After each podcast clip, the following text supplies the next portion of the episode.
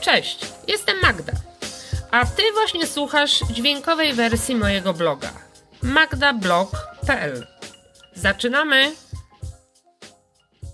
Technologiczny detoks. Coś nie tak z twoim telefonem. Słabo cię słychać. Ucieka twój głos. Przerywa się rozmowa. Tak mówili moi znajomi. To były pierwsze symptomy choroby mojej komórki. Potem już było gorzej. Pomimo naładowania sama się wyłączała. Kiedy objawy zaczęły się nasilać, wystraszyłam się i zaniosłam aparat do serwisu. Sądziłam, że diagnoza potrwa kilka godzin i jakoś to przeżyję. Okazało się, że muszę czekać 7 dni. Nie mam innego aparatu. Co ja teraz zrobię? Prezent od Ali. Może przyda ci się na lekcję. Mam coś dla ciebie, powiedziała moja koleżanka i podała mi ksero artykułu o uzależnieniach dzieci od komórek. Przeczytałam i uświadomiłam sobie, że dotyczy również mnie. Jestem uzależniona, ponieważ nigdy nie wyłączam telefonu. Od czasu, kiedy internet jest tańszy, zawsze jestem online. Zanim wyjdę z domu, upewniam się, że mam aparat. Na spotkaniach towarzyskich włączam opcję milczenia, ale moja komórka leży na stole w zasięgu moich oczu. Służy mi jako zegarek i kalendarz, dlatego w pracy leży na moim biurku. W komórce słucham radia i muzyki, dlatego często sprawdzam stan baterii. Nie czekając na żadną wiadomość, odbieram maile przynajmniej raz dziennie. Jest moim budzikiem, więc przed zaśnięciem sprawdzam czas i kładę ją blisko siebie. Fonoholizm to nałogowe korzystanie z telefonów komórkowych. Należy do uzależnień behawioralnych, czyli czynnościowych. Wykonywanym działaniom towarzyszy na przykład przyjemność, radość i uczucie zaspokojenia. Nauk rozwija się podstępnie. Podatność na uzależnienia od laptopów, urządzeń stacjonarnych, mobilnych, gier komputerowych oraz korzystania z sieci występuje nie tylko wśród młodzieży, ale i u osób w dojrzałym wieku. Nowoczesna technologia ułatwia nasze życie, rozwija naukę i technikę, oszczędza czas. Równocześnie, jeśli staje się nałogiem, jest zagrożeniem dla zdrowia psychicznego. Odczuwamy zmęczenie nadmiarem informacji. Słabnie nasza wola. Mamy kłopot z koncentracją. Trudniej się uczymy i pracujemy.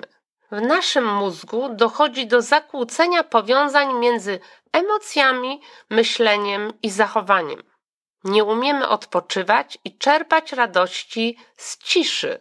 Idąc w Tatrach do Czarnego Stawu, często spotykam dziwnych turystów ze słuchawkami na uszach. Również zagrożeniem dla samopoczucia fizycznego. Częściej mamy bóle głowy. Coraz większa liczba, również dzieci, nie dosłyszy z powodu słuchania głośnej muzyki przez słuchawki. Systematyczne niedospanie prowadzi nałogowców do wycieńczenia organizmu i obniżenia jego odporności. Łatwo wówczas zachorować na chorobę cywilizacyjną, tak zwany zespół przewlekłego zmęczenia. Jest zagrożeniem też dla relacji społecznych. Coraz częściej zastępujemy bezpośrednie spotkanie z drugim człowiekiem rozmową telefoniczną, SMS-em, wiadomością na portalach społecznościowych. Uciekamy do sieci i czujemy się bardziej osamotnieni. Lawinowo wzrasta liczba zachorowań na choroby psychiczne. Jest zagrożeniem dla bezpieczeństwa. Cyberprzemoc to agresja elektroniczna. Objawia się prześladowaniem, nękaniem, wyśmiewaniem innych osób poprzez SMS-y, maile, fora dyskusyjne. Komórka w szkole. Aparat komórkowy ma większość dzieci.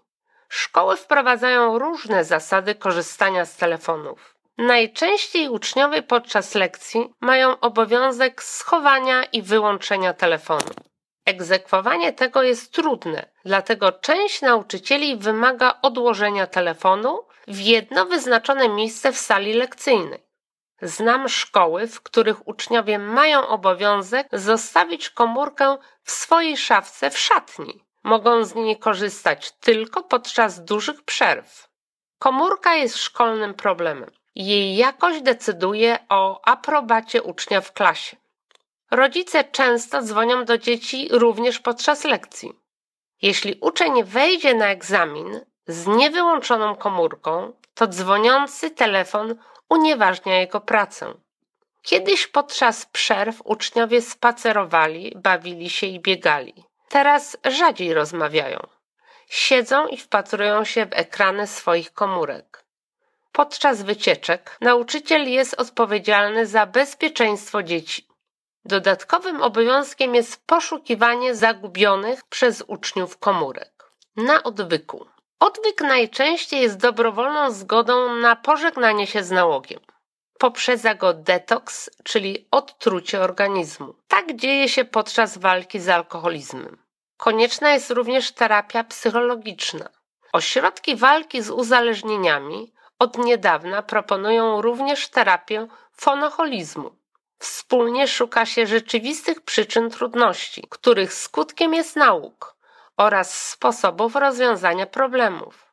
W trakcie terapii uzależnień uczestnik uczy się nazywać swoje mocne strony, doskonali umiejętności społeczne, które zamiast bycia online będą mu pomocne w przetrwaniu trudnych chwil odwyku. Przymusowy detoks. Odwyk potrwa jeszcze pięć dni.